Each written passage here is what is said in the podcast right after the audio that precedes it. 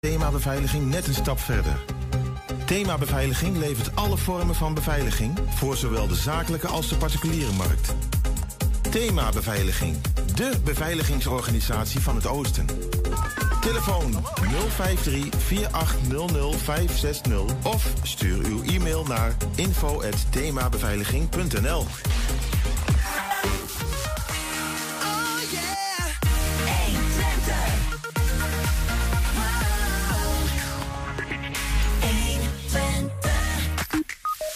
Het gevecht tussen gemeente Hengelo en bewoners van de Berendina-straat over hun verzakkende achtertuintjes duurt voort. Ja, Edden wordt de, e- eh, het eerste helemaal vegan restaurant van Enschede. De Hengeloze muziekvereniging Harmonia bestaat 125 jaar en viert dat met een eigen glossy. En je hoort het verhaal van Van Doy, die als 17-jarige jongen zijn vaderland Vietnam ontvluchtte. En in Nederland verslaafd raakte aan heroïne. Het is maandag 13 december. Dit is 120 vandaag. 120. 120 vandaag. Ja, het zijn eh, drukke tijden voor een politicus in Enschede. Nog maar amper bekomen van de vele debatten van de afgelopen weken... staat er vanavond alweer een nieuwe raadsvergadering voor de deur. Notabene de laatste van dit jaar, 2021. Kan het gaan spoken? Dat is de vraag. Collega Wilco Lauwers die eh, pakt zijn glazen bol erbij. Wilco, welkom. Ja, goeiedag. Ja, ik heb de glazen bol op de redactie laten staan, We maar hebben- dat moet zomaar even. We hebben deze dan eh, voor jou geregeld. Vooruit kunnen we die. Ja. De laatste eh, raadsvergadering van het jaar. Is, dat- is, is dat, betekent dat nog iets bijzonders? Ja, normaal gesproken, eh, na zo'n vergadering, dan is een, een uitgebreide, uitgebreide borrel. Er gebeurt wel eens vaker na een raadsvergadering, maar na de laatste van het jaar dan gaan, gaan alle raadsleden zo'n beetje nog ergens de stad in na de tijd. En dan wordt het tot diep in de nacht wat er nog eh, doorgepraat. En het gaat meestal niet over de politiek, kan ik eh, eh, vertellen. Ja, soms ook wel, maar dat, het zijn vaak wel leuke bijeenkomsten. Maar dat, ja, dat gaat dit jaar niet gebeuren. Ik heb wel eens politici uit Enschede horen vertellen over het Fellini-akkoord. Ja, dat klopt. Ja, en, en dat heeft met de, met de vorige verkiezingen te maken. Toen GroenLinks buiten de, de coalitie viel en PvdA erbij werd ingehaald. En terwijl GroenLinks misschien in eerste instantie de voorkeur had of de beste papieren had. Maar eh, de GroenLinksers waren eigenlijk nooit bij de borrels na de tijd, bij Verlini. En dat waren de PvdA'ers, zoals uh, Arjen Kampman, tegenwoordig wethouder. eh, graag geziene gast bij de naborrels. Dus daar wordt wel eens van gezegd, nou, dat, dat heeft in ieder geval de, de mensen dichter bij elkaar gebracht. Dat het onderlinge vertrouwen en de gunfactor hoger was. Ja, precies. Voor wat Dus in, de, in de raadzaal ben je van een bepaalde partij. En als je in Fellini zit, ben je toch gewoon met elkaar die Enschedeer. Ja. Precies. Nou, de, eh, los van de borrels die er dan dit keer niet zullen zijn. Want ik denk dat het weer online eh Ja, ja, ja, precies. Ja, ehm, eh, over de inhoud is daar nog iets over te zeggen.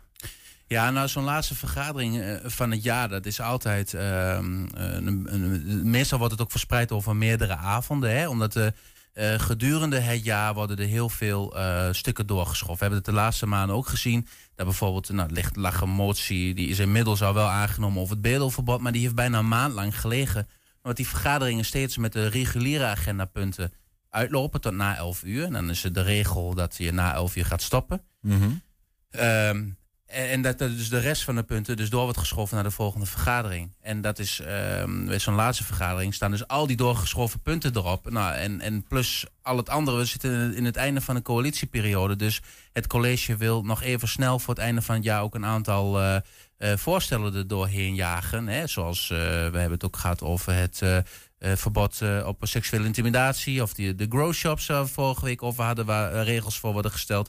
Moet voor het einde van dit jaar allemaal. Dus je hebt een waslijst aan ehm, voorstellen. Maar die moties ook, waar je het over hebt, die dus doorgeschoven zijn, die moeten voor het einde van dit kalenderjaar moeten die afgehandeld zijn. Ja, moeten, moeten, maar het is wel wenselijk natuurlijk. Hè? En soms zeker als er, als er een, een, een financieel aspect in zit, dan maakt het wel degelijk uit of je het dit jaar doet of volgend jaar. Want dit jaar kun je nog de financiële gevolgen dekken uit de jaarrekening van 2021.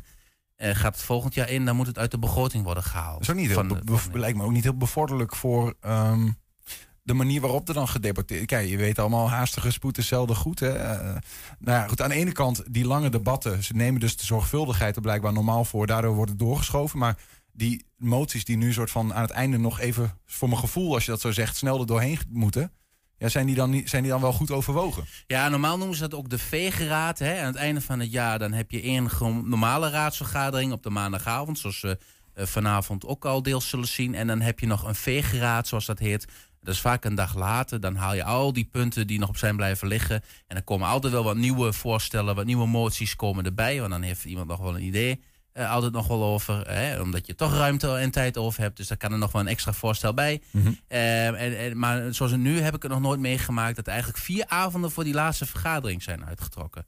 Via, dus, ook, dus vanavond is nog niet het einde. Het is, Ehm, nou ja, formeel is het zo van ehm, vanavond om 11 uur, ehm, dan is het einde van een vergadering. Hè? Dan wordt die onderbroken. In ieder geval Jelle Kot van eh, GroenLinks gaat er dan eh, eh, vandoor. Maar in, in dit geval ook wel de rest. Om 11 uur wordt de vergadering gesloten en dan Ja. wordt die morgenavond wordt die heropend. Maar er staan zoveel punten op de agenda dat ook morgenavond waarschijnlijk de vergadering gesloten wordt. En die wordt maandag volgende week weer heropend. ja, ja. En ik sluit niet uit dat die volgende week dinsdag voor de vierde keer nog even... En die raadsleden die moeten daar nou allemaal maar tijd voor nemen ook. Ja, dat hoort bij het raadslid zijn, ja. Ja. Oké. Ehm, je, hebt, je noemt eh, net bijvoorbeeld het, het bedelverbod. Ehm, maar wa- wat, wat staat er dan nog meer? Want het bedelverbod heb ik laatst Ja, ook voorbij eh, zien aangenomen. Ja, komen. dat noemde ik als voorbeeld. als voorbeeld, wa- wa- wat staat er dan eh, vanavond als ehm, veeg? oh, wat, wat moet er nog opgeveegd worden? Wat staat er allemaal nog op de. Nou, er staan nog wat eh, moties die eerder zijn ingediend. We, dat gaat over, onder andere over een motie van afkeuring voor eh, Jurgen van Hout, de wethouder. Dat heeft nog alles te maken met de bandenverwerken die in het havengebied komt. En daar toch mag komen. En nou ja, er was een hele discussie over, mag dat wel of niet? Dat is al maanden geleden. Zo lang ligt die motie er dus al. Nou, die wordt eh, vanavond nog even besproken. Eh, nog een motie over eh, aanpassingen aan de Schukkingweg Oostweg. Je weet wel, dat is de weg bij Glanenbrug, de afrit van N18. Waar wel eens ongelukken Of daar gebeuren. een knip in moet komen. Of Precies, niet. ligt ook al twee maanden. Ja. En als dat allemaal behandeld is, dan gaan we over naar, naar de energievisie. Die, dat is het eerste inhoudelijke punt dat vanavond eh, behandeld wordt. en ik dat denk, is dan weer eh, voorstel vanuit het college. Ja. Precies. En eh, die energievisie die zal het wel gaan halen. Ehm, omdat ja, veel partijen willen wel meer, zoals D66, PvdA, GroenLinks. Maar ja, ze zien ook als ze, eh, als ze hier tegenstemmen, dan eh, blijft helemaal niks over. Dat was, die, dat was even voor mijn beeld nog. Dat was de energievisie waar in de eerste instantie soort van, nou ja, die er niet doorheen kwam omdat er gedoe was met windmolens en Ja. hoogtes. Ja. En daarvan hebben ze nu gezegd, we halen voor nu de windmolens helemaal eruit. En zeggen van we wachten eigenlijk met windmolens en daar iets over te zeggen totdat er meer duidelijkheid is over eventuele gezondheidsrisico's. Toch? Precies. En dat is, dat is tegen het zere been van de linkse of de progressieve partijen. Ja. Eh, maar ja, die zien ook dat ze geen meerderheid hebben om die windmolens er wel eh, op te krijgen. Dus nou, het is beter iets dan niets. Dat Ja. zal de, de conclusie zijn vanavond. Ja. Eh, niet zonder slag of stoot, denk ik, maar toch, dat zou wel de conclusie zijn. En daarna, als dat vanavond nog gaat lukken, eh komen de, eh, nou ja, twee, in ieder geval één interpellatiedebat, zoals dat heet. Een interpellatiedebat, Ja. die heb ik wel vaker voorbij horen komen, maar hij is toch weer even uit mijn hersenpan eh, geschoten. Ja, ik moet het ook altijd even opzoeken wat daar nou precies allemaal de bedoeling van is. Interpellatiedebat is eh, een verantwoordingsdebat. Je roept de wethouder in dit geval ter verantwoording. Dan zou je zeggen, dat kan het normaal dan niet. Nee, dit gaat om, om items die eh, niet op de reguliere agenda staan van de gemeenteraad. Om het makkelijk te zeggen, er is geen voorstel naar de raad gedaan. Dus een raadslid kan zelf een onderwerp die, die, die, die niet heel acuut speelt op de agenda zetten. In dit geval gaat het om de zaak Adesh. Oh ja, Eh, die de ondernemer, de gemangelde eh, ondernemer. En ja. Twens, eh, volgende week waarschijnlijk komt daar nog weer een verantwoordingsdebat over. Eh, daar moet Junots, de wethouder, gaan uitleggen waarom ze bij de aandeelhoudersvergadering heeft ingestemd met een nieuw contract. Terwijl de gemeenteraad er nog geen besluit over heeft genomen. Ja, ja, ja. En in een verantwoordingsdebat dan stel je eigenlijk een soort van schriftelijke of mondelinge vragen stel je aan de wethouder. Dat is ook een normale procedure. Alleen in dit geval antwoordt de wethouder. En dan mag je zelf daar nog weer eens op antwoorden. En dan mogen andere partijen ook meediscussiëren over het onderwerp. En dat is bij normale mondelinge vragen niet zo. Dan stel je een vraag, krijg je een antwoord. In principe is het daarna klaar. Ja. In dit geval is het echt een debat waar een- iedereen aan mee kan doen. Heen en weer gesprek. Ja. En is het dan, ja, eh, het is natuurlijk december. Er is een vuurwerkverbod, maar verwacht je nog. eh, Vuurwerk. Ja. Ja. Ja, ehm, nou, het is een digitale vergadering en dat, dat haalt de angel er wel een beetje uit, hè? Omdat eh, je staat niet tegenover elkaar. Die emotie is dan eh, toch al gauw wat minder. Hè? Eh, het is wat vlakker allemaal en, en het interruperen, het onderbreken van anderen is, is toch wel wat moeilijker. Dat haalt, denk ik, een hele, een heleboel uit het debat. Maar ik verwacht nog wel, hè, we hebben het net over een motie van afkeuring gehad voor wethouder Jurgen van Hout ik sla niet uit dat er in de zaak Ades nog een motie van afkeuring of misschien wel wantrouwen, maar dat is een zware motie, komt voor Jeroen Diepema te Want dat wethouder. gaat over het feit dat ze een besloten bijeenkomst hadden waarin het college dingen heeft gezegd.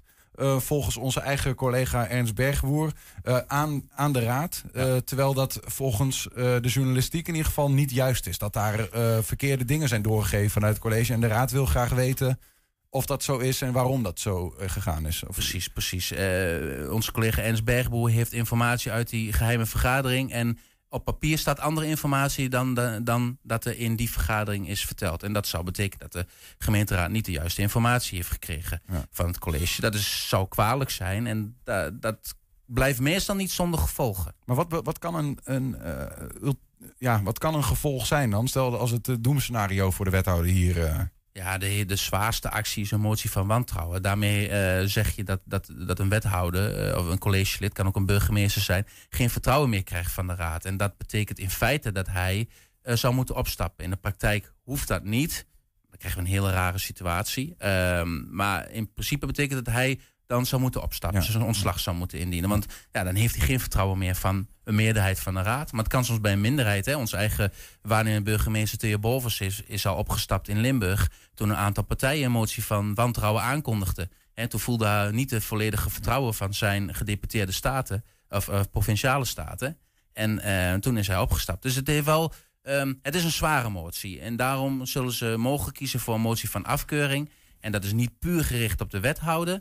Nee, daarmee keur je zijn wijze van beleid keur je af. De manier waarop beleid is gevoerd. Of waarop informatie is achtergehouden of verkeerd is gecommuniceerd. Klinkt in ieder geval, Wilco, als iets wat niet vanavond eh, eh, tussen, wanneer begint het? Eh, en, en 11 uur eh, opgelost is allemaal. Nee, absoluut niet. Dat gaat zeker morgen verder. Nou, maar volgende maandag er zijn al punten die staan al bij maandag. Die staan vanavond nog niet eens op de agenda.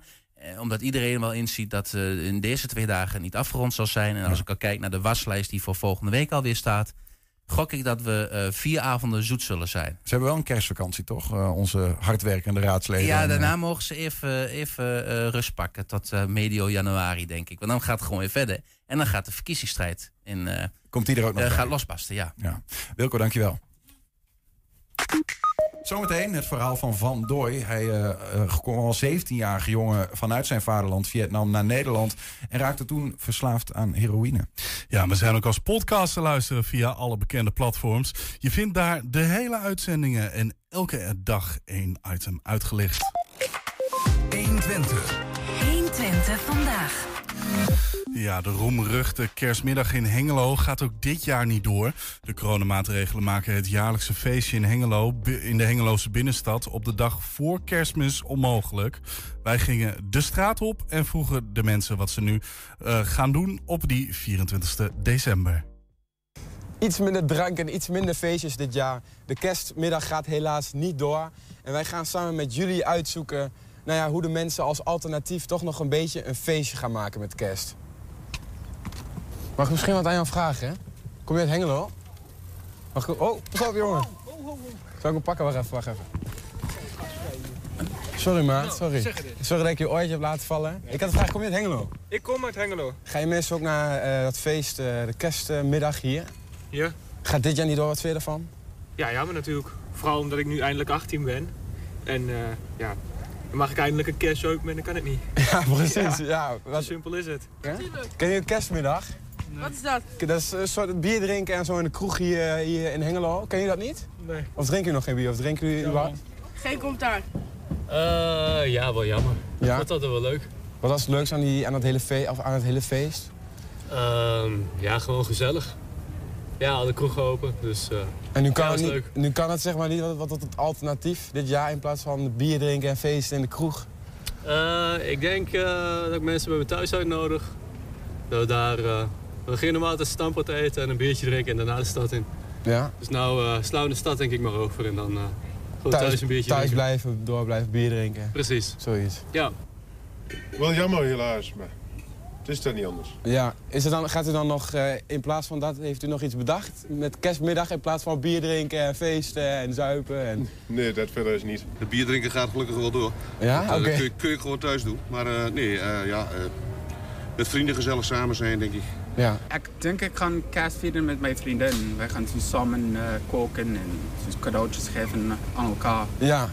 Dus gewoon wat nog kan in deze coronatijd. Ja, precies. precies.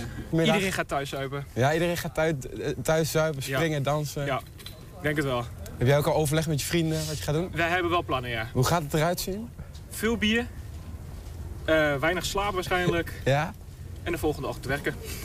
Ja, succes alvast. Ja, ja gewoon pannenkoek eten bij mijn oma. Ja, dat is, dat, is, dat is toch wel leuk. En jij? Hoe ga jij kerst vieren? Oh, ik denk gewoon een biertje toch? Gewoon een biertje? Ja, zeker.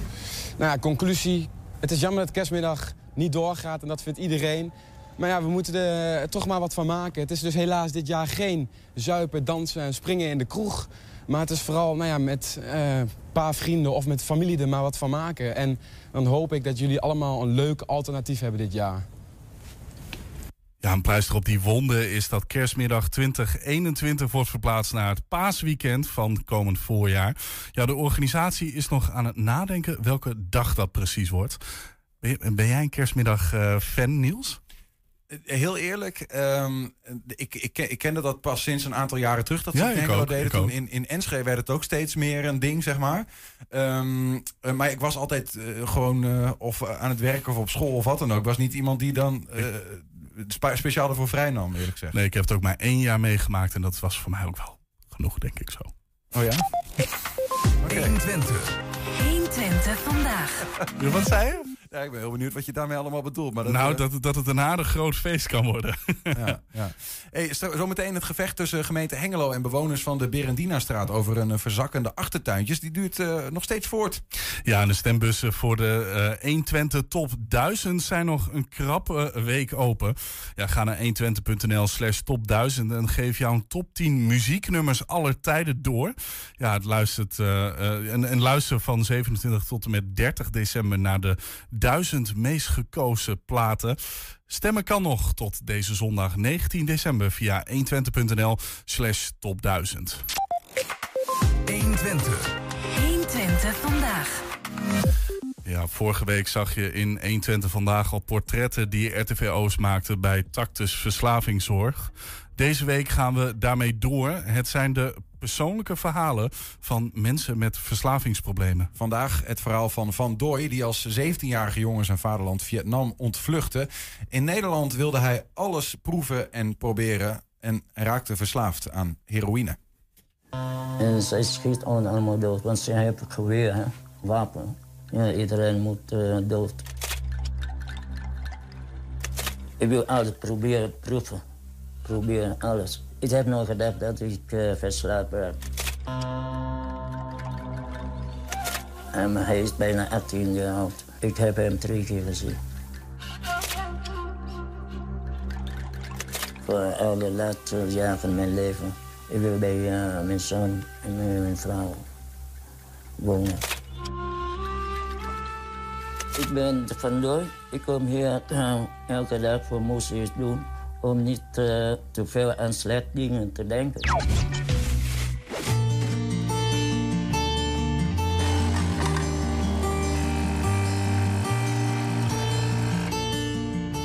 Ik ben in 1980 naar Nederland gekomen. Ik kom uit Vietnam. Um, van mijn tijd, ik groei in een slecht tijd, uh, oorlogland. Uh, zoals de wereld weet over Vietnam. En ik geboren in een oorlogstijd.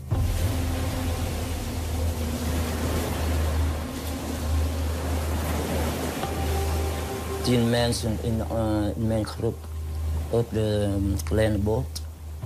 En uh, wij dachten allemaal dat wij dol zijn toen wij tegen piraat komen. Ja, dus zij dachten dat wij nergens gaan. En zij kwam over een paar uurtjes terug naar eiland. En zij schiet ons allemaal dood, want ze heeft geweer, hè? wapen. Ja, die piraat uh, genoeg wapen uh, in het schip. En ze maakt allemaal niet dood. Alleen die uh, vrouwen en mij zijn meegenomen. En mannen. Heel weinig kans om te overleven. Want uh, zij hebben ons boot afgepakt. En uh, wij hebben geen vervoer meer. En daarom moeten wij eh, eh, risico nemen. Want waar Ja. zat je vast op Ja. dat moment? Op eiland. Eh, waar niemand woont, op eiland. Met uh, bamboebeet en eh, met al de bootnaad en zo. Als je goed zwemmen. Als je niet goed zwemmen, ja, dan ga je dood. Wij drijven op het water ongeveer vier uur zo. En kwamen wij in een boot. En die mensen eh, helpen ons. Daarna word ik naar de vluchtelingenkamp gebracht. En daar bleef ik twaalf maanden. En ja, dat is geen goede herinnering voor mij van die tijd. En daarna ben ik hier gekomen.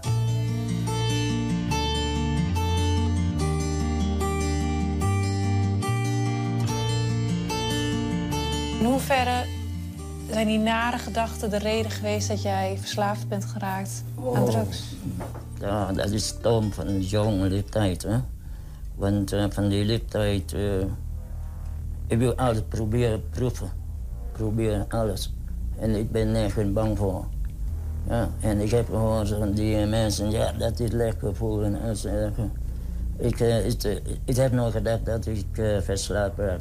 Ik dacht, me. Een paar keer kan, toch stom van, eh, van die leeftijd, hè, 20 jaar jong.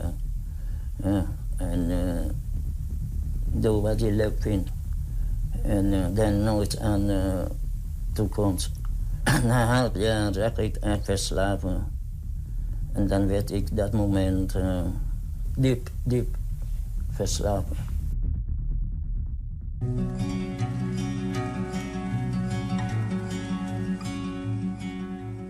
Toen ik aanmaakte met zoon.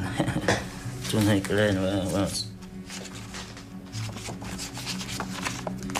Dus, uh, die is begraven van mijn moeder. Toen eh, is hij elf jaar. 40 jaar geleden ben jij naar Nederland gekomen. Hoe kan het dan dat jouw zoon en vrouw in Vietnam wonen? In 96 ben ik op vakantie terug naar Vietnam voor de eerste keer. En daar ken, ik mijn vrouw. En eh, ik was niet bij toen mijn eh, zoon geboren wordt. En eh, ja, ze moet gewoon daar blijven. Het, ik kan hun niet naar, hier te nemen. Dat is moeilijk voor mij. Wij zijn wel getrouwd. Ik heb alle papieren, maar... Ah, de, probleem is ligt aan mij. Want ik ben weer werkloos. Ja. Toen was hij vijf of zes jaar oud zo. En toen kon hij niet zoveel schrijven. Toen hij de, de eerste klas zo. En die heb ik bewaard mm, tien jaar lang. Ja, tien jaar ongeveer. Hoe vaak heb je je zoon gezien? En hij is bijna 18 jaar oud. Eh, ik heb hem drie keer gezien. Vrouw en zoon weten zij dat jij verslaafd bent? Nee, ik doe het niet de waarheid vertellen. Dat ik nog eh, bezig met eh eh, medicatie, methadone. En, eh, eh, zij weet ook niet zoveel over dat rotzooi, maar ik wil ook niet eh, alles vertellen. Waarom wil je dat niet vertellen? Voor, want dan gaat ze kapot. En mijn zoon ook. En ze gaat huilen. Ja, iedere keer als ik hem mis, eh, dan kijk ik vaak naar de foto.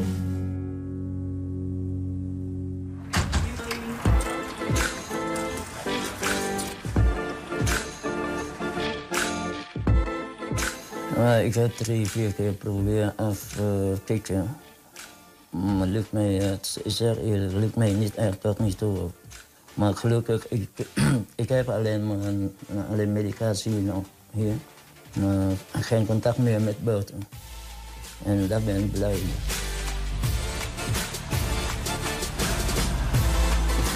Elke dag heb ik wat te doen nodig. Om in bewegen, lichamelijk en niet te veel aan rossen denken.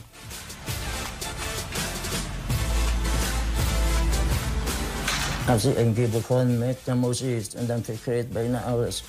En ik vergeet vaak afspraken met uh, maatschappij en met de ASO. Ja. Die muziek helpt mij zoveel om uh, rustig te blijven en uh, niet aan slechte dingen te denken.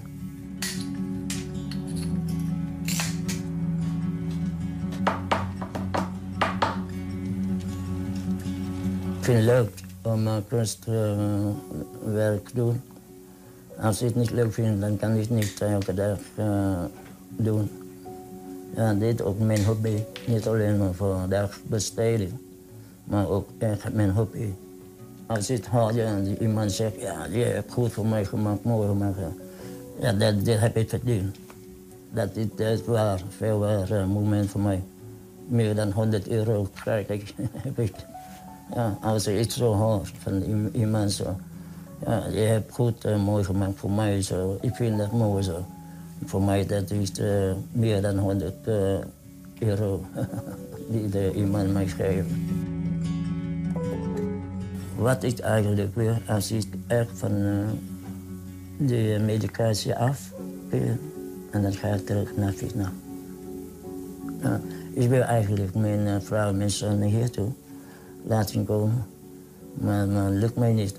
En dan ga ik terug voor alle laatste jaar van mijn leven. Ik wil bij mijn zoon en bij mijn vrouw wonen. Ja, maar ik moet tijd hebben. Um, voor dat uh, uh, afkicken van die medicatie. Dat duurt misschien een paar jaar. Heb je er vertrouwen in dat het gaat lukken? Ja, ik ben ik erg uh, blij en voel heel gelukkig. En meer wil ik niet terugkeren bij mijn gezin. Voor de laatste jaren van mijn leven. Ik wil graag bij hun zijn. Ja. Ja, dat was het verhaal van uh, Van Dooy. Op de website van RTV Oost vind je meer portretten van mensen die zichzelf met hulp van tactus uit een verslaving vechten of vochten. 120. 120 vandaag. Ja, al ruim twee jaar lang liggen bewoners van de Hengeloze Be uh, Berendina-straat in de clinch met de gemeente over hun achtertuintjes en de aangrenzende Laura-vijver. Door baggerwerkzaamheden zijn de uh, oevers verzakt, waardoor een groot deel van de groenstrook in het water verdwijnt. Om verdere schade te voorkomen moet er nu een damwand worden geplaatst. De gemeente wil dat de bewoners opdraaien voor de kosten daarvan, maar de bewoners die hebben daar geen trek in. We wachten nog heel even. Wat technische ongemakken. Komt-ie. De vijver uh, is 15 jaar geleden, 16 jaar geleden gebaggerd. En dat hebben ze, nou ja, erg lomp gedaan, op z'n zachts gezegd. Als je hier kijkt, is gelijk een meter diep. Als je iets verder gaat, dan uh, wordt het al snel richting de anderhalve meter diep. En uh, ja, ze hebben dat met een graafmachine 15, 16 jaar geleden gedaan. Gewoon zo langs de kant. Mijn buurman die woont hier 50 jaar, die heeft het zelf gezien. En uh, sindsdien staat hier de hele, hele boel gewoon in. Ja, en om dit op te lossen moet er een, een damwand komen, toch? Ja, dat klopt. Ja. Uh, wie moet hem betalen? Ja, dat is de vraag, hè. wij zeggen van, joh, die vijver is van de gemeente. En daar hoort een damwand bij. De gemeente moet zorgen dat de boel niet instort. Uh, ja, zijn het niet eens met hoe de gemeente het nu probeert op te lossen. De gemeente wil eigenlijk dat wij de damwand gaan kopen. En het onderhoud dus uh, op ons nemen. Ja, daar zijn we het niet mee eens. Uh, met name omdat je dat gewoon niet moet willen. Maar ook omdat ze bedragen vragen die nergens op slaan. In 2019 wilde de gemeente de grond aan alle bewoners uh, verkopen of verjaren uh, of in bruikleen geven. Tot aan de damwand. De damwand zou van de gemeente zijn en in onderhoud, blijven. Um, nou, dat was op zich prima. Alleen de gemeente wilde over de hele rij alle bomen gaan kappen. En daar hebben we toen wat van gezegd. Van, nou, dat willen we eigenlijk niet. En toen uh, uh, is er eigenlijk een draai ontstaan. En heeft de gemeente gezegd, nee, we gaan het uh, zelf allemaal onderhouden. En we gaan een pad achter jullie huizen langs leggen. Um, en die damwand komt er dan. Nou, toen hebben we gezegd, ja, dat willen we absoluut niet. Nou, goedemiddag. Dit is onze tuin. En zoals jullie wel kunnen zien, is de grote eik al aardig scheef gezakt. We hopen dat hij nog even blijft staan, maar dat weten we natuurlijk niet. Maar we willen wel heel graag dit uitzicht behouden. Ja, ja. en dan wil de gemeente er een, een, een, ja, een pad neerzetten, hè? Ja, daar uh, zijn we niet zo heel blij mee. Want eh, het is hier natuurlijk heel donker s'avonds. En als hier een, een pad langskomt waar iedereen overheen kan lopen... Ja, dan ben ik bang dat je crimina- criminaliteit gaat creëren. Ik vi- vind het ook een onveilig gevoel, eerlijk gezegd. eh, Ja. Dat hier een, een onverlicht pad achterlangs En dan, dan is je uitzicht ook weg. dan, is, ja, dan zou ik een schutting moeten zetten. En dan, dan is mijn uitzicht ook weg. En, en hoeveel geld gaat dat u kosten? Nou ja, in eerste instantie in 2019 was afgesproken 85 euro per vierkante meter. En eh, nou ja, ik, ik heb niet echt belang bij meer grond. Dus wij hebben gezegd, doe het ons dan maar in bruikleen. Ik heb wel aangegeven, als iedereen moet kopen, dat wij dat ook zullen doen. wil geen spelbreken zijn. En nu ligt er een nieuw plan van de gemeente. En nu moeten wij dus 7 tot 7.500 euro gaan betalen. En worden wij ongewild eigenaar van een damwand van een vijver die niet van ons is. Ehm, nou ja, wij hebben alle raadsleden uitgenodigd zodat ze de situatie gezien hebben en kennen. Eh, en we, we sturen ze eigenlijk terug met de vraag van... joh, vraag de gemeente of vertel de gemeente om zich aan haar woord te houden... en om ons gewoon te behandelen zoals we behandeld horen te worden. En het afspraken van 2019, dat ze zich daaraan moeten houden. Ja, we hebben de gemeente Hengelo om een reactie gevraagd. Een woordvoerder gaf aan in gesprek te zijn met bewoners van de Berendina-straat... om samen tot een oplossing te komen. 120. 120 vandaag. Ja, zondag gaan de stembussen dicht voor de 120 Top 1000. En dan kan het eh, speculeren beginnen over welk nummer op 1 staat. Deze week vragen we bekende koppen in de regio naar hun favoriete nummers. En vandaag wordt de bal aan het rollen gebracht door onze Neder-Saxische frontman van de gelijknamige band, ook wel eh, de Sallandse Viking genoemd. Dames en heren, Hendrik Jan Bukkers. Hendrik Jan, goedemiddag. Ja, goedemiddag. Wat een aankondiging zeg. Ja. Eh, Jij, jij kent die koosnaam vast, toch? De, de, de Viking uit Salland, of zo? Nee, dat heb ik nog nooit gehoord. Ik vond het wel passend. Ja, d- misschien toen mijn haar nog wat langer was wel, ja. Maar eh, ja, nee, nou, ik vind het goed. Ik vind het een goeie, die erin. Hey, eh, hoe is het? Ja, goed. Mooi. Ja, nou ja, we moeten er meer van zeggen. Het is een beetje saai allemaal. Hè. Ik, eh, ik zit maar thuis en eh, we wachten maar weer af tot we weer een keer kunnen gaan optreden. Maar, eh, Ja, voor vijf uur kan toch, ergens? Ja, maar dus, ja, nee, maar dat is, het zijn van die lapmiddelen, daar vind ik niks aan. Ja, ja, eh, ja, ja dat kennen ik we. wil gewoon in een dampende tent staan of een dampende discotheek. En dan toch s'nachts heel laat, dat is het mooiste. Hey, Hendrik Jan, stel nou hè, ehm, dat je een cover eh, zou spelen in zo'n eh, dampende tent. En eh, je hebt maar één mogelijkheid. Er is één nummer eh, wat je eh, zou kunnen spelen.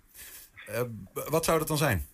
Nou, dat is een hele lastige. want De, de, de vraag eh, die jullie vanmiddag eh, aan mij stelden was: wat vind je het beste nummer ever? En wat ik het beste nummer ooit vind, vind ik al heel erg lastig. Maar dat zou niet een nummer zijn wat in de tent zou passen eigenlijk. Oh? Nee, maar, nee, maar dan zou ik iets. Ik, ik, ik zit nog. Ik, nu ik aan de telefoon ben, ben ik nog aan het twijfelen over wat ik ga zeggen. Wat ik het beste nummer ooit vind. Maar dat, dat kan ik eigenlijk helemaal niet. Maar dan wordt dat iets van de Beatles of zo. En dat wordt in zo'n tent, wordt dat niet, denk ik niet dat het werkt. En dat, dat komt, ook, komt ook een beetje door de documentaire die laatst online is gekomen. Of Nou, die ben ik inderdaad. Ik ben er nog mee bezig, want het is nogal veel. Eh, ik zit nu op de helft ongeveer van de tweede uitzending. Dus van, de- van deel 2 en deel 3 moet nog. Maar wat gaaf is dat trouwens, ja. Dat is wel een aanrader voor. Als je een Beatle-fan bent, moet je dat wel kijken, ja. Wat zou je Dat spelen dan van de, van de Beatles? Wat, eh, ja, of is dat ook weer... Ja, ik weet dat het allemaal vervelende keuzes zijn hoor, maar... Nee, nee, het is echt uh, kill your darlings, hè. Dat is echt heel lastig dit. Ja. Maar kijk, weet je, ik ben een enorme fan van Jimi Hendrix. Dus ik vind, eh, ik vind eh, bijvoorbeeld Crosstown Traffic vind ik eh, een van de betere nummers die, ooit, die er ooit zijn gemaakt. Maar ja, als je het hebt over popmuziek, dan kom je toch bij de Beatles uit. En dan, ja, ik vind eh, Day in the Life vind ik een hele goeie. Maar Penny Lane vind ik ook heel tof. Dus ja, zoiets. Maar dan gaat het maar spelen in een feest. En ik denk dat het dan heel druk wordt bij de wc's. Nou ja, misschien als je... Ja, ik weet niet. Je, je weet als geen ander om eh, nummers in een eh boerenrockversie te brengen. Hoe Ja, knows? ja, dat zou, dat zou kunnen, ja. Hey, en het- heb jij ook, want je hebt veel mensen die hebben een, een nummer waar ze echt nou ja, warme, nostalgische herinneringen aan hebben. Zit dat, geldt dat ook voor dit soort nummers voor jou? Of is het gewoon puur dat je denkt van ja, muzikaal gezien zit dat goed in elkaar? Hoe kijk je er eigenlijk naar? Nee, eh, zo Hendrix en de Beatles is ook wel heel erg nostalgisch voor mij. Want dat luisterde ik al toen ik 14 was, zeg maar. Dus dat, dat zijn een soort van... Die liedjes die, die gaan al een leven lang mee. Dus ja, dat is, dat is niet alleen omdat het muzikaal zo goed is, maar gewoon ook omdat het al Dat ik er al mijn hele leven lang achter me aansleep, zeg maar. Ja, want, want die, die nummers die, die, die luister je dan. Is dat ook een beetje waar je ouders naar luisteren? Of ben jij gewoon een hele andere afslag opgegaan? Eh, nee, Beatles heb ik wel van huis meegekregen. Hendrix is een eigen ontdekking, zeg maar. Ik heb ooit eens een documentaire van hem gezien, ergens een keer, toen ik een jaar of 13 was of zo. En toen was ik net begonnen met gitaarspelen. En toen dacht ik, ja, dat is cool. Hoe zag je leven er dan toen uit, eh, Hendrik Jan? Die, eh, die 13-jarige viking, zeg maar. Eh, toen zat ik op de HAVO in Raalte. Klinkt heel braaf. En verder eigenlijk niks. Nee, was nog, toen ik 13 was, was er nog niet zoveel aan de hand. Nee, toen was ik alleen maar, ging ik braaf elke dag naar de HAVO op de fiets. En verder deed ik niet zoveel. Ja, ja. En, en die Ja, muziek? gitaar spelen. Zat ik, ik zat de hele dag gitaar te spelen. Ik deed verder ook niks. Ik een huiswerk of zo, deed ik ook niet. Ik was alleen maar gitaar spelen. Ja. CD'tjes of eh, LP's? Ik weet niet, hoe, wat, wat was dat in die tijd? Ja, nee, dat was toen net, dat is een beetje opa vertel eens, maar toen kwam inderdaad net... de Ja, sorry, sorry, sorry. Je wordt even gevreemd hier door Niels. Nee, maar, eh, heel vroeg. Nee, toen- ik inderdaad, toen kwam, hadden we cd's inderdaad. En de eerste cd die ik kocht, die was Nevermind van Nirvana. Dat was toen eh, helemaal het ding. Ja, die dit die jaar ook er weer in uit. opspraak is geweest. Ja, ja, precies. Nou, die, die eh, cd dus, dat was mijn eerste cd die ik kocht. Hartstikke cool. Helemaal grijs gedraaid. Ah, mooi ja. Dus eh, voor jou kunnen we op, op de nummer 1 in de 120 top 1000 iets van de Beatles eh, noteren. Of Jimi Hendrix. Ja, ja, zoiets, ja. Ehm, maar als ik dan echt moet kiezen, het allerbeste nummer ooit gemaakt, doen we Penny Lane van de Beatles. Penny Lane. Staat genoteerd. genoteerd. Bukkers, dankjewel. Helemaal goed. Dank je. Ja, straks Ed wordt het eerste helemaal vegan restaurant van Enschede. 120. 120 vandaag. De Hengeloze muziekvereniging Harmonia bestaat dit jaar 125 jaar. Dat werd afgelopen zaterdag, zoals gepland, niet gevierd met een concert. Maar met de presentatie van een eigen glossy in café Het Uurwerk. Burgemeester Sander Schelberg die ontving het eh, eerste exemplaar uit handen van de Benjamin van de vereniging Bram Essing. En uiteraard was de voorzitter van Harmonia ook daarbij aanwezig. En ze is nu bij ons, Manon Jonquière, welkom. Goedemiddag. Ehm, je hebt hem bij je, hè? Jazeker, heb ik hem bij me. Je hebt een, eh, een, eh, een, een camera ervoor. Misschien kunnen we heel even omhoog houden. Hier staat eh, die jongen die voor je staat. Ja, kijk eens even. Dit is hem iets, iets van jou. Je mag wel iets naar je toe trekken. Ja, zo kunnen we hem goed zien. 125 jaar Harmonia, punt. Ik lees het even voor. Muziek en theater, een gouden combi staat er onder meer in. Reizen van hier tot. Vrienden en verhalen verbonden door muziek. Muziekvereniging in Hengelo. Spring levend, vraagteken. Nou, allerlei vragen waar we het ook over kunnen hebben. Nou, dat vraagteken staat er niet hoor. Springlevend Oh, pardon. Ik, vanuit hier lijkt het een beetje een vraagteken. Daar ga je, Niels. Ja, dat maakt nogal een verschil in deze jaar. Ja, dus dat is ook geen vraag meer. Nee, Oké, zeker oké, oké. Nou, ehm, en 1896 tot, twee- tot 2021. Ja. Wat een tijd. Ik doe hem weer naar beneden, Ja, want mag. hij is Is 700 zwaar? gram. 700 gram? Mag ik hem, 700 eh, gram. mag hem eens voelen? Ja, zeker. Zo, even kijken Ja. hoor. Jongen, jongen, het is inderdaad een hele jongen, inderdaad. Ja, 160 pagina's dik. Ja. En nou is er al eh, een selectie gemaakt wat erin staat. Maar eh, het is een prachtig document geworden. Hij had eh, 5 kilo kunnen zijn. Nou, ja, ongeveer. Ja, ja, ja, ja. En wat, wat, ja, wat, wat staat hier dan? Ja, dat is, we hebben net een aantal dingen genoemd, maar ehm, is het, is het de, de historie? Wat, wat, wat, staat er zo, als je het in een zin moet beschrijven, in? Nou, het is die historie, maar wat het ook laat zien is dat het een eigenzinnige vereniging is die gewoon nog heel ehm, ja, modern ook is als muziekvereniging. We hebben heel veel jeugd, we doen theaterproducties. En wat we geprobeerd hebben is een heel duidelijk beeld te geven van wat je dus als muziekvereniging eh, doet. Mhm. Trots op het eh, resultaat? Ja, ik wel. Ja? Ja, hij is boven verwachting. Dus... Jij wel, wie niet? Nee, Oh. geen idee wie niet, maar nee, hij is prachtig geworden. Ja. Hij is, eh, we hebben een redactie. ehm, het is ontstaan is ongeveer anderhalf jaar geleden. Toen gingen we kijken wat gaan we doen dit jubileumjaar. Met natuurlijk corona in, de achter, in het achterhoofd. Eh, wilden we toch iets ook maken wat, wat blijvend is. En wat zeker uitgevoerd kan worden. Dus wat een eindproduct kan worden. En ehm, nou, toen kwamen we van, zullen we een boek gaan maken? Dus met 100 jaar is dat ook gedaan. En toen heb ik een gesprek gehad met eh, de meneer van Broekhuis. En toen zei hij, waarom maak je niet een mooi magazine? En Kees Schafrat. Kees Schafrat. En die heeft ons echt goed op weg geholpen. En eh, goede tips gegeven. Want overal staan ook QR-codes in. Dus daar kom je ook bij... eh, ja, online is er dus meer verbonden. Eh, ja, filmpjes ook van muziekproducties, maar ook achtergrond. En eh, dus toen hebben we een redactie vanuit het bestuur samengesteld... met nog meer leden en ouders. Ja. En die zijn aan het werk gegaan. Nou, en ik, ja, ik vind hem echt zo mooi geworden dat ik denk van ja, dit is geen clubblaadje meer. Dit is gewoon echt een dik magazine geworden. Ja, ja, ja. Dus het, het is echt, eh, van, echt ook van de hele club wat dat betreft. Hij is absoluut van en door en voor de club. Ja, Want op de voorkant zien we, zien we een jongen. De- Ja. Dat is? ja dat is Dat is- Floris. En Floris die zit in, eh, in ons leerlingenorkest. En Floris heeft het eerste kostuum aan, wat toen het dus nog een Stork-orkest was. Want het is, eh, Ammonia is het eh, orkest van Stork, van vroeger uit. En die hadden dus die kleding. En er zit dus ook een artikel zit erin met heel veel foto's van alle kleding door de jaren heen is dus gefotografeerd en weer opgezocht. En onze leden van nu, van jong tot oud, die hebben dus geposeerd in die kleding. Ah, geweldig, ja. En Met dit is van God geloof ik, hè, wat Ja, hij erbij heeft. van God. Eh, Ja. Ook een bizar instrument. Prachtig Ja, instrument, hè? Maar inderdaad, maar dit is wel een interessante... Mag, mag ik hem je teruggeven? Zeker. Ehm, eh, dat, dat ontstaan hè, als, als een soort van orkest van Stork... eh, ik begreep ook dat er een soort van voorwaarde voor eh, leden van de club was destijds in, in eh, gender. Ja, zeker. Ja. Want vrouwen waren niet welkom. Het waren de mannen. Nee, de mannen mochten lid worden. Oh ja, dat kun je Ja. toch niet meer voorstellen? Ja, nu? nee, daar is zelfs een artikel aan gewijd. Daar is ook flink over gediscussieerd. Gaan we het wel plaatsen, gaan we het niet plaatsen? En eh, uiteindelijk is ervoor gekozen om het wel te plaatsen. Ja. En eigenlijk is de reden daarvan van... eh, je ziet dat nu meer dan de helft uit dames bestaat van de vereniging. En het is geen enkel issue. En eh, we hebben natuurlijk nu het hele LHBT, nou, noem alle letters maar op. Ja. Dat is heel actueel. En dat hebben wij ook door de hele vereniging heen. En het hebben natuurlijk heel veel verenigingen, overal. En het is geen, het is geen, eh, het is geen thema. En dat was de reden om het ook dus te gaan neerleggen, ook neerzetten in het blad. Van kijk, in de jaren 60, 70 was het echt nog een, een thema. En dat is dus nu helemaal niet meer. En je merkt het ook echt niet. Maar de, wa- was dat de twijfel dan? Want in principe is het al, het is al zo lang. Ja, je, doet denk ik niemand meer pijn mee door te zeggen dat het toen zo was. Nee. Sterker nog, misschien is het juist al een, een mooie ontwikkeling. Het is een prachtige ontwikkeling en dat was ook de reden om hem wel te plaatsen. Mhm. Je kunt natuurlijk hem ook van de andere kant bekijken. Waarom moet daar nu over geschreven worden tussen het seksenverschil? Ja. Nou, ja. en dat was wel even de discussie. Moet je daar het überhaupt wel over hebben? Nou, en dat was ook niet het idee van het artikel. Het artikel is dus juist om te laten zien dat alles kan. En alles goed is. Hoeveel mensen de- destijds, ehm, 1896, bij die oprichting, hoeveel mensen waren er toen eigenlijk lid van, eh, van dat orkest van Stork? Hoe groot was de club? Nou, in principe was het een volledig orkest.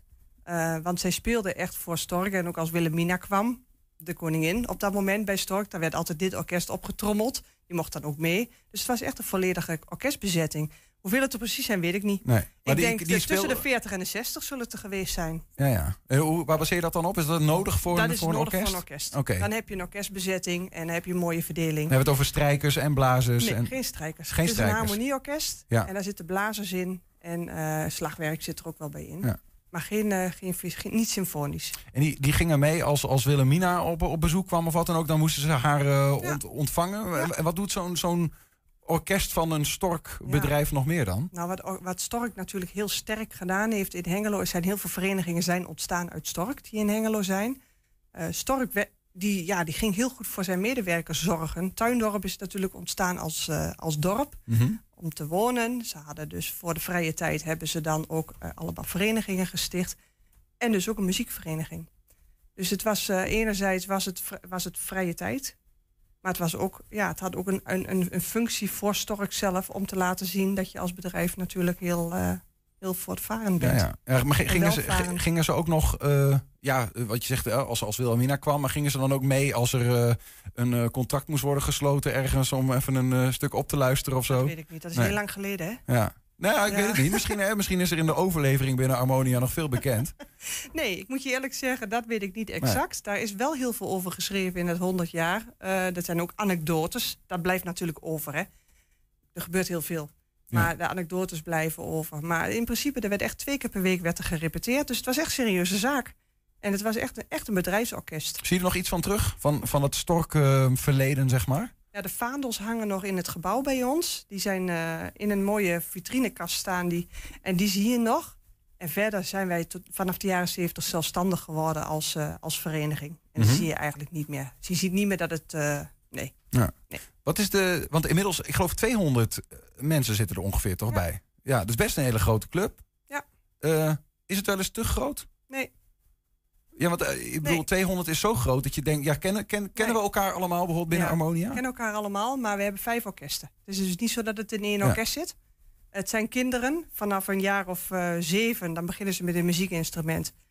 En eh, die komen erbij en na één jaar kunnen ze in orkest beginnen. En dat stroomt dan door van orkest naar orkest tot en met het volwassen orkest. Mhm. Ja, en daar kun je tot op hoge leeftijd mee blijven spelen. En is er nog iets van een, ehm, eh, een geest te duiden van wa- wat, wat maakt Harmonia naar Harmonia? Of is dat gewoon Harmonia is Hengelo en andersom of zo? Is, is de Hengelo de rode draad? Of?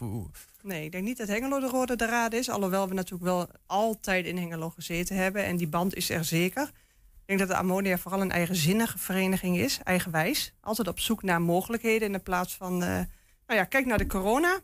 In maart zaten we in een tent te repeteren naast de snelweg. In de hagel, in de sneeuw, in het onweer, in de zon. Het was in ieder geval heel koud. In die eerste maand. In die eerste maanden Ja. van corona. En dat is dus zoeken naar mogelijkheden om toch bij elkaar te kunnen komen. En eh, kijk, muziek maken is prachtig. Dat is natuurlijk wat we het allerliefste doen. Maar zoals afgelopen zaterdag zijn toch bijna alle leden ook langs geweest om een magazine in ontvangst te nemen. En even met elkaar, elkaar te zien. Dus die verbinding is heel sterk. Ja, ja. En dat, eh, dat is wat ammonia, ja, ammonia maakt. Hoeveel van die exemplaren maak je dan nu? En we hebben duizend laten drukken. Duizend. Ja. En die zijn eh, alleen maar voor alumni en huidige leden? Of, Nee, of? nee die liggen ook eh, op verschillende verkooppunten in de stad. In Hengelo, bij Broekhuis onder andere en bij Hengelo Promotie. Bij Oifo. En waarom zou iemand dat kopen? Nou, ik denk het is een stuk geschiedenis van Hengelo. Ehm, en, en het is heel fijn om het te kopen om ook de vereniging te steunen. Daar ben Mhm. ik heel eerlijk in. Verenigingen hebben dat, eh, hebben dat nodig. Ehm, maar het is een stuk geschiedenis en het is een stuk ook laten zien wat de stad, wat je dus hebt aan verenigingen in de stad. We hebben heel veel mooie verenigingen in de stad. En dan is het heel mooi om dat te zien in dit soort documenten. Zometeen wil ik nog met je praten over de, eh, het concert. Want eh, die eh, zou plaatsvinden eigenlijk. Jubileumconcert ging niet door, logisch. maar die willen jullie verplaatsen. Ehm, maar eerst ook even, want je noemde net al even Oivo. Daar komen ze ook te liggen. Ehm, eh, het is ook bekend dat Harmonia wat last heeft ehm, nou ja, om, om, om jonge aanwas te krijgen. En ik heb begrepen dat je ook een verband ziet met het feit dat Oivo niet meer een muziekschool is, maar een kunstenschool. Ja, nou, ik hoop gewoon heel sterk dat in Hengelo, maar dat geldt ook voor Enschede, want het is landelijk, dat mensen weten waar de muziekschool zit. En dat binnen de kunstenschool ook een afdeling muziek is, dat moet duidelijk worden. Eh, dat begint op de scholen. Dat begint op onderwijs bij scholen, kinderen in contact brengen met instrumenten. En dat is dus een taak die ligt bij de verenigingen, maar ligt ook bij OIFO. Dat zijn de educatiedeskundigen, die kunnen dat ook echt heel erg goed.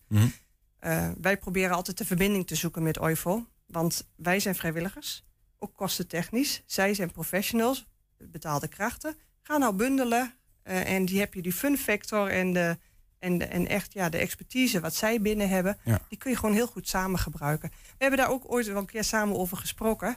Eh, en die samenwerking is er ook. Alleen hij moet het nog weer steviger worden. OIFO heeft een prachtig nieuw pand nu. Ze zijn helemaal klaar Ja, in het Hazemeijer-complex. in het Hazemeijer-complex klaar voor de, ja, helemaal gewoon klaar voor de toekomst. En eh, klaar om heel veel muziekleerlingen, wat mij betreft, ook te gaan ontvangen. Zien we daar al iets van? Is het al een beetje aan het borrelen in Hengelo van hé, hey, dat is eh, een plek waar je nu moet zijn als, eh, als kind om muziek te leren kennen, te Nou, leren wat ik spelen? begrijp van OIVO is dat er inderdaad meer aanmeldingen binnenkomen. Wij zien dat nu nog niet, omdat dus de kinderen vaker net iets later bij ons aansluiten als vereniging. Ze kunnen ook gelijk aansluiten als ze een instrument nodig hebben. Kunnen ze via de verenigingen dus een instrument krijgen.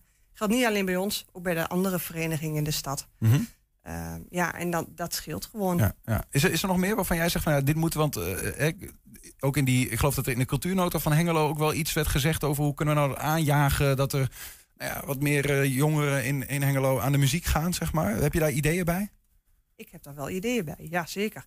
Ehm, ik denk dat het vooral gaat over de herkenbaarheid en weten dat het er zit. En dat doet Hengelo Sport bijvoorbeeld heel erg goed. Eh, Hengelo Cultuur kennen wij niet in Hengelo als naam. Dus je kunt niet zien, ze doen best veel in Hengelo, namelijk aan cultuur. Ze gaan naar de Schouwburg een keertje, ze gaan naar, ehm, ze gaan naar Oifo toe. En dat valt allemaal in dat pakket. Net als in Hengelo Sport ga je naar, de, naar het zwembad en naar de hockeyvereniging, doe je van alles. Heb je voor cultuur wel, alleen het valt nog niet onder een vlag. Ja. Dus ik vraag, eh, ik denk dat dat heel verstandig is om dat te gaan doen, zodat ook ouders weten. Want kijk, de kinderen kunnen het heel leuk vinden, maar de ouders die moeten het ook leuk gaan vinden. Mhm. Dat er gewoon heel veel mooie eh, aspecten van cultuur binnen Hengelo zijn en waar je dus ook lessen kunt gaan volgen. Ja, wordt dat geluid een beetje gehoord? Dat er zo'n aparte tak moet komen? Ja, het is nu in de cultuurnota beschreven. Dus als het goed is, gaat het uitgevoerd worden. Ja. Nou, Ja. we gaan we nog eh, allemaal meemaken hoe dat dan precies uiteindelijk eh, eruit komt te zien. Ehm, dan dat, dat concert. Want ja, nou ja, eh, laat vergeten dat het niet kon dit jaar. Wanneer gaat het wel gaat, gebeuren? 25 juni, 25 juni. in de zomer. In de zomer. Dan moet het kunnen, hebben we bedacht. Precies. Ja, dat- de, de cijfers lijken dat eh, te onderschrijven. Van, eh, in, maar goed, in het verleden van al de resultaten en dat soort dingen. Maar laten we hopen dat het doorgaat. Hoe gaat het er dan uitzien?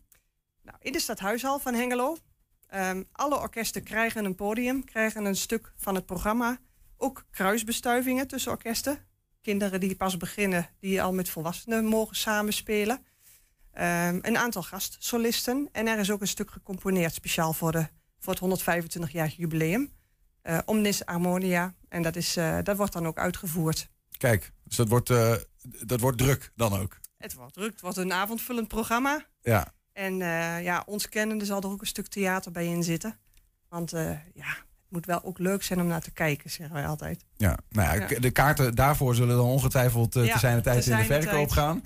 Ehm, deze glossy die er nu wel is, die ligt eh, her en der in Hengelo, of zoals je dat net al beschreef. Eh, misschien kun je dat nog even kort opzommen en voor hoeveel we hem kunnen hebben, dan weten we dat ook. Ja, dat is goed. Hij is te koop bij eh, verschillende verkooppunten.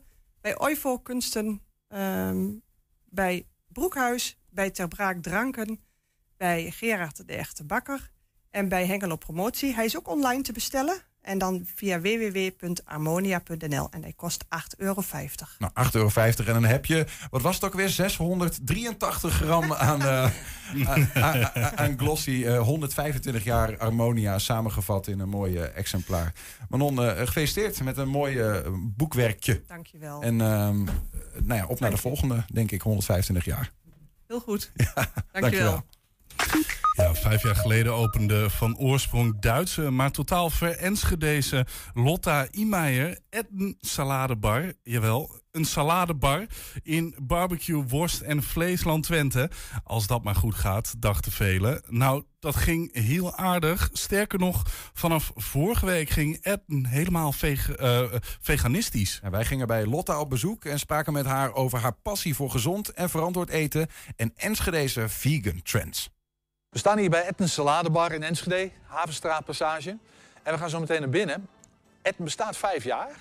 En Etten is vanaf deze week, geloof ik, volkomen veganistisch.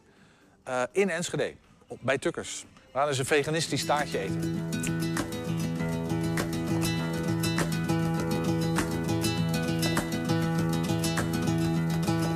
Op een gegeven moment dacht ik van ja, dat is eigenlijk wel leuk om een plek te hebben waar je niet alleen eh, workshops kunt geven, maar ook waar je ook kunt eten. Maar dan op de gezonde manier, want ik merkte ja, het bestond nog niet in Enschede. Dus er was een niche, er was een markt voor. Je zag een beetje de trend opkomen natuurlijk met saladebaas of met eh, ehm, restaurants waar je ook eh, dingen kon afhalen die een beetje gezonder waren dan een burger of, wat je, of een pizza wat je zo kende.